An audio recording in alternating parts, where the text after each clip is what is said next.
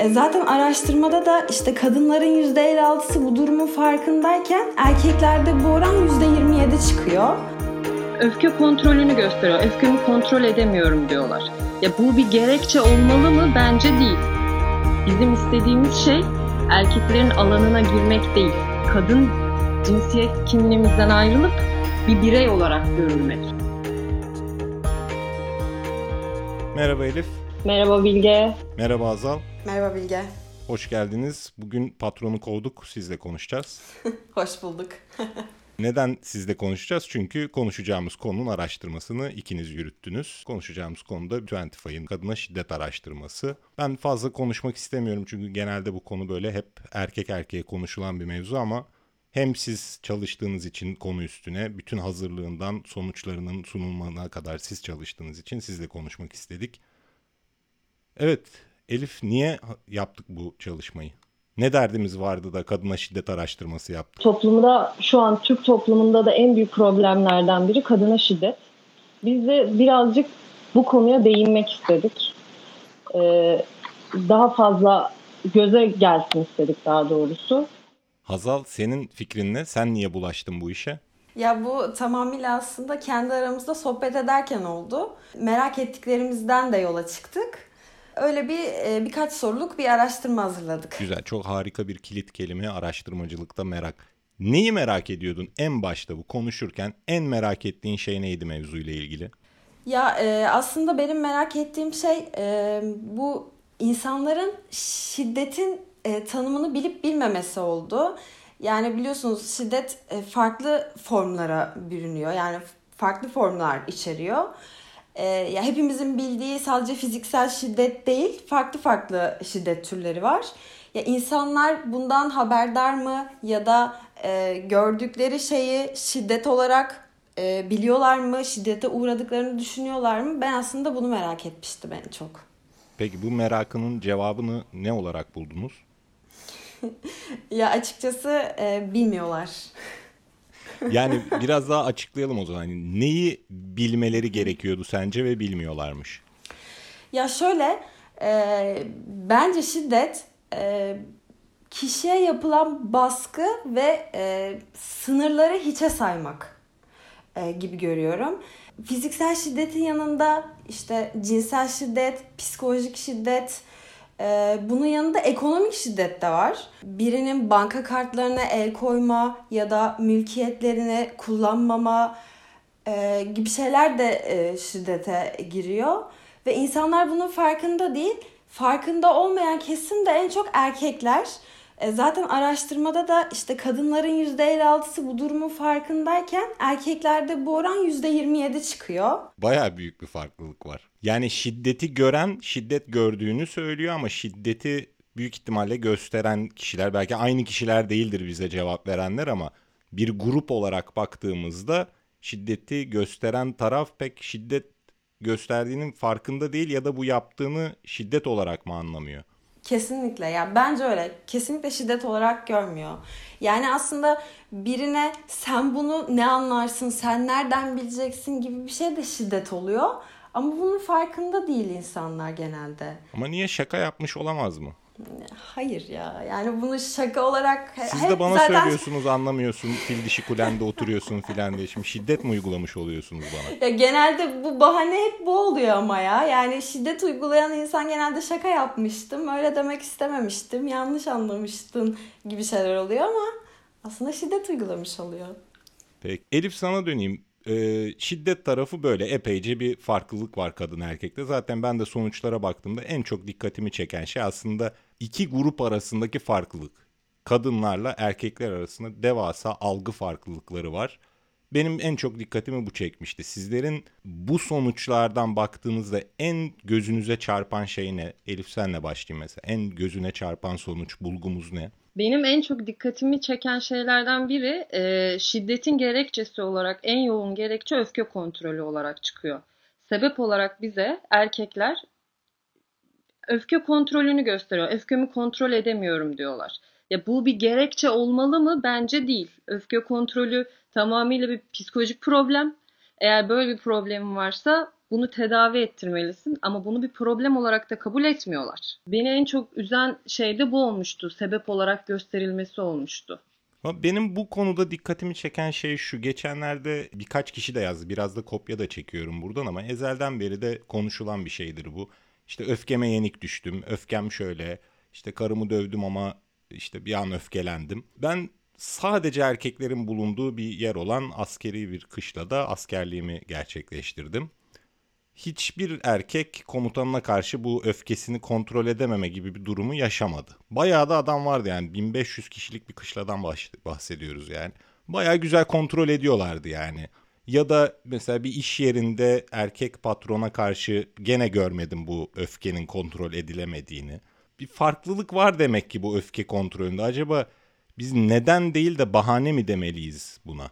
Kesinlikle bir bahane. Burada şey devreye, devreye giriyor işte gücü gücüne yettirdiğine yapıyor bunu. Yani kadınlar fiziksel olarak güçsüz varlıklar. Yani ne kadar spor yaparsak yapalım bir yerde bir erkeğin gücüne ulaşmamız çok güç. E biz de bunu başka açılardan tamamlamaya çalışıyoruz. Daha fazla eğitim alarak, daha fazla akıllı olmaya çalışarak dengelemeye çalışıyoruz. Erkekler de her fırsatta güçlerini kullanarak bizi aşağı çekmeye çalışıyor aslında.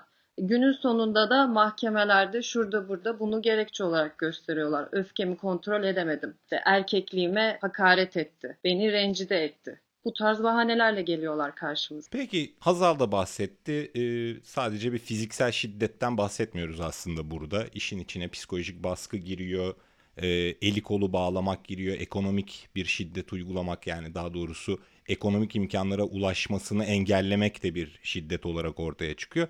Yahut gene Hazal'ın söylediği gibi iş yerinde, sokakta, bakkalda herhangi bir yerde sen bilmezsin, sen ne anlarsın yahut işte güzelim şu buyla ortaya çıkan da bir şiddet var. Bütün tepeden bakmaca hareketlerin hepsini toplayabiliriz bu şiddetin içinde fiziksel de dahil olmak üzere. Böyle de bakılabilir ama biz anladığım kadarıyla konuya biraz daha şey yaklaşmışız. Hanede şiddet durumu, toplumsal yaşamdaki durum, iş yerindeki durum diye bakmışız ama içinde bu bahsettiğimiz bütün şiddet türlerini de getiriyor. Hane içi şiddeti vurguluyorum bu arada.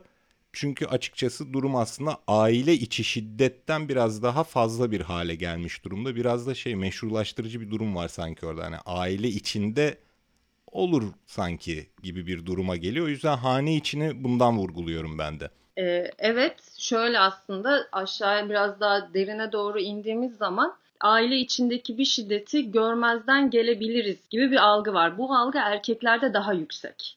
Hani ufak tefek şeyleri çok da dışarıya yaymayalım. Kol kırılır, yan içinde kalır. Kadınlarda da var bu algı. Gitgide azalıyor ama erkeklerde çok yüksek ve e, bir şiddeti bir boşanma sebebi olarak görmek istemiyorlar. Ve yeterli bir sebep olarak görmüyorlar daha doğrusu. Daha büyük şeyler olması gerekiyor ama bence en ufacık bir şiddet yeltenmesi dahi bir, gerekli bir boşanma sebepleri arasında sayılmalı. Peki biz e, sorduğumuz insanlarda ne demişler? Mesela aile içi şiddet boşa, boşanma için yeterli sebeptire. Kadınların %87'si katılıyor. Erkeklerde bakıyorum 67'ye düşüyor bu. Ama benim daha çok dikkatimi çeken şey ki bütün raporun e, sorularına hakim durum bu. Bir erkek ailesinin dirlik ve düzeni için zaman zaman şiddete başvurabilir sorusuna cevap verirken kadınların %79'u kesinlikle katılmıyorum diyor.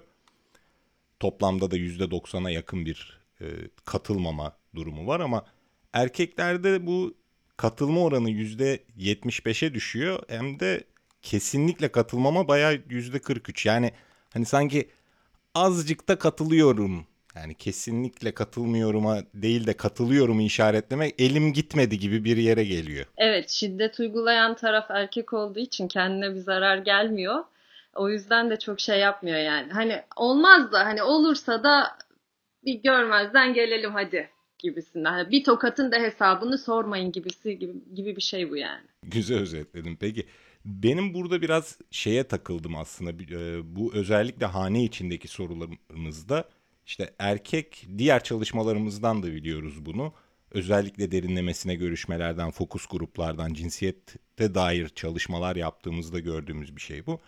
Erkeğin rolü bir evde evin geçimini sağlamakken kadınınki evin dirliğini, düzenini sağlamak diye pozisyonlanıyor. Erkeğin bu geçim sağlama durumu ona toplumsal saygınlık getirirken kadının da evin evi çekip çevirme gücü e, bir saygınlık getiriyor. Genel olarak baktığında tabii bu saygınlık aynı zamanda bir tahakküm ve iktidar alanı yaratıyor iki gruba da. Biri evin sahibi olarak duruyor kadın. Diğeri de hepsinin birden yöneticisi olarak e, ortaya çıkıyor. Haliyle de böyle sanki otoritesini sarsacak her şeye karşı bir şiddet ortaya çıkıyor. Yani otoritesini göstermek için şiddeti bir iletişim biçimi olarak gösteriyor. Çünkü bütün ilişki e, hanenin içinde güce dayalı olmuş oluyor. Ben işte geçimi sağlıyorum. Haliyle dirliği sağlayanın üstündeyim ve bu otoriteme halal getirecek her şeye de şiddetle karşılık veriyorum. Geçmişten gelen bir algı var. Erkekliğin tanımına falan koyuyorlar bunu artık. Ve erkekler erkekliklerini ispatlamak için işte para kazanan benim, buraya ben hakimim ve benim sözüm geçer çünkü senin karnını ben doyuruyorum. Sen evi düzenliyor olabilirsin ama evin içindesin. Burada yani kadınlara bir evin içinde olmak bir saygınlık kazandırıyor mu? Ya bence o kadar kazandırmıyor. Çünkü ev hanımlığı o kadar da saygı görmüyor. Kadınlar arasında belki saygı görüyor ama erkeklerin çok da böyle evin hanımı evi çekip çeviriyor, çok önemli bir iş yapıyor algısıyla bakmıyor erkekler o işe. Ya senin görevin o ben sana yemeğini getiriyorum. E, bir zahmet işimi de yap diyor adam açık açık. Evet bayağı gruplarda da bu çok çıkan bir şeydir. Aynen bu kelimelerle söylüyorlar. Benim burada mesela en takıldığım şeylerden biri şuydu. Sonlarda son birkaç ayda yaptığımız çalışmalardan biriydi. Ee, evde ev işini bölüşme kısmına gelince işte şey diyorlardı. Yani süpürge falan yapıyoruz ki bu, bu arada fena değil yani 30 sene evvel bu da yapılmıyordu. Ama mesela çamaşır makinesine benim aklım basmıyor abi diyordu. Çamaşır makinesinin üstüne gittim baktım ya ben mi yanlış hatırlıyorum diye. Dört tane düğme bir tane de böyle çevirmeli bir şey var. Yani en fazla ne olur? Renkli beyaz ayrımı olabilir. Burada e, şey çatışıyor işte. Hem kadınları her şeye aklı basmaz olarak görüyorlar. Hem de evdeki en basit cihazı kullanmaya geldiğinde erkekler kaçmak olarak işte ben benim bunu aklım basmıyor. Dediğin gibi dört tane tuştan oluşuyor yani en fazla başla, başla, bekle, devam gibi tuşları var yani çok da kafa yorulacak bir şey yok ama bunu kaçamak cevap olarak kullanıyorlar. Güzel. Peki ev işine geldiğimizde mesela bir sorumuz var. Erkekler ev işi yapmalı önermesine ne derece katılıyorsunuz demişiz. ifadesine ne derece katılıyorsun?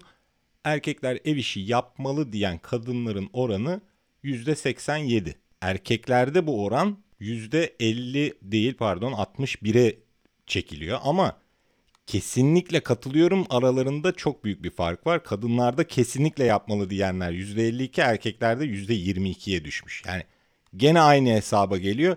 Yani yapalım tabii ama o kadar da yapmayalım. Burada oranın aslında yine iyi de çıkmış erkeklerde ev işi yapmalı oranı. Yaşın çok büyük önemi var. Ee, daha genç nesil Y kuşağının sonları Z kuşağı e, ev işlerine daha çok dahil olmak zorunda kalıyorlar. Şimdiki neslin getirdiği zorunluluklarla beraber. Yani e, kadın şimdi kadınlar da daha çok iş alanında olduğu için kadın da çalışıyor akşam eve geliyor. Erkek de çalışıyor akşam eve geliyor. E, evin işi artık ortak bir hale almak zorunda. Erkek yardım eden taraf değil, evi ev işi yapan ortak diğer kişi olarak görünmesi lazım. Buradaki o fazla çıkan yeşil alan tamamıyla yeni neslin, yeni yaş grubunun etkisiyle fazla çıktığını düşünüyorum. Tabii bu arada bu yapmalı diyen erkeklerin evde iş yapıp yapmadığını biz kontrol edemiyoruz tabii. Çünkü tabii. bana da başka bir datamız bu söylediğin lazımlığın, lüzumun çok da geçerli olmadığını söylüyor. Çünkü örneğin evlenmeden önce çalışıyordum, evlenince işi bıraktım diyenlerin arasında toplam 895 erkekten bir kişi bile yok. Ama kadınların %12'si filan evlenmeden önce çalışıyordum, evlenince işi bıraktım demiş. Yani dolayısıyla evin sorumluluğu her halükarda biraz kadında gibi gözüküyor. Ne dersin Azal?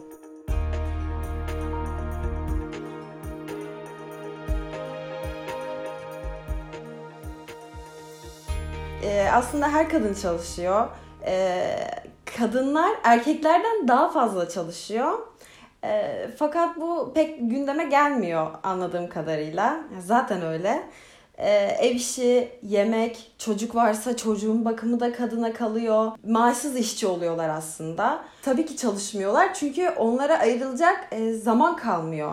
E, ve genelde şey oluyor artık çocuk olduktan sonra özellikle de bence kadınlarda artı bir baskı yapılıyor ki hani artık işi bırak da e, çocuğa bak. Tabii bu arada bahsettiğiniz şeylerin hepsi zamanla da değişen şeyler sonuçta. Ekonomik zorluklar da aslında kadının çalışma gerekliliğini ortaya koyuyor. Çünkü bir evi artık tek bir kişinin geçindirmesi epeyce zorlaşıyor. Ama görüyoruz ki çalışan kadın da evde bir de ücretsiz olarak çalışmaya devam ediyor. Pandemi sırasında yapılan anketlerden birinde, çalışmalardan anket değil ama çalışmalardan birinde şu ortaya çıkmış. Kadınlar ev işini daha fazla yapmaya başlamışlar. 2 saat, yaklaşık 2 saatten 4,5 saate çıkmış.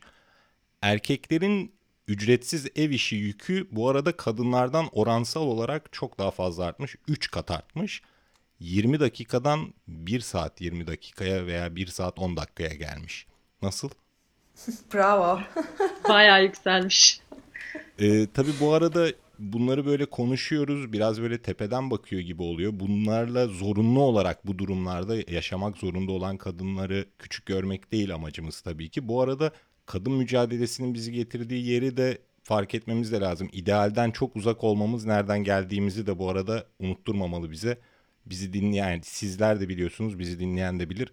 Kendi anne babamız arasındaki o güç dengesini bir düşündüğümüzde biraz hani daha iyi anlayabiliriz aslında geldiğimiz yerin ne kadar harika olduğunu.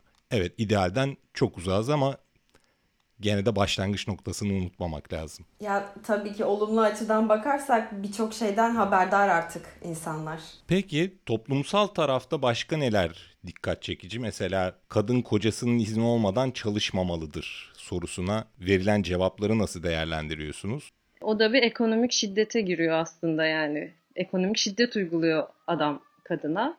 Gerçi kadınlar pek kabul etmiyor gibi bu önermeyi. Çalışmak zorunda olan kadınlar her türlü bir şekilde eline alıyor mesleğini ve yoluna devam ediyor. Bugün evde oturan kadınlar aslında kendi istedikleri için evde oturduklarını zannediyorlar ama alttan alta o mesajı aldıklarının farkında değiller. Yarın öbür gün eşlerine bir şey olduğunda ya da eşleri onları bırakıp gittiğinde neyle karşılaşacaklarını bilmiyorlar ya da bu gerçekle hiçbir zaman yüzleşmiyorlar. Ya kadınların burada kocamın izniyle çalışmalıyım bu kadar karşı çıkmamasının nedenini o şekilde algılayabiliyorum. Peki Azal bir diğer taraftan alayım. iş hayatına da geçireyim konuyu. Mesela eşimin benden az kazanması benim için bir sorun olmaz diyen kadınların oranı %82. Erkeklerde de benzer bir sonuç var. Sence inandırıcı mı bu? Bence değil. ya bence değil. Çünkü ben ya herkes için söylemiyorum ama belirli bir kesimin eşlerini yani bazılarının kızlarını bir birey olarak kabul ettiğini düşünmüyorum. Belki bu biraz ağır gelecek ama ya çünkü e, çoğu kişi toplumsal cinsiyet eşitliği fikriyle büyümemiş insanlar oluyor genelde. Ve bu yüzden de bazı şeyleri kabul etmiyorlar. Ya ettiklerini söylüyor olabilirler. Ama hepimiz biliyoruz ki birçoğu bunu kabul etmiyor. Çoğu hanede bu geçerli değil bence.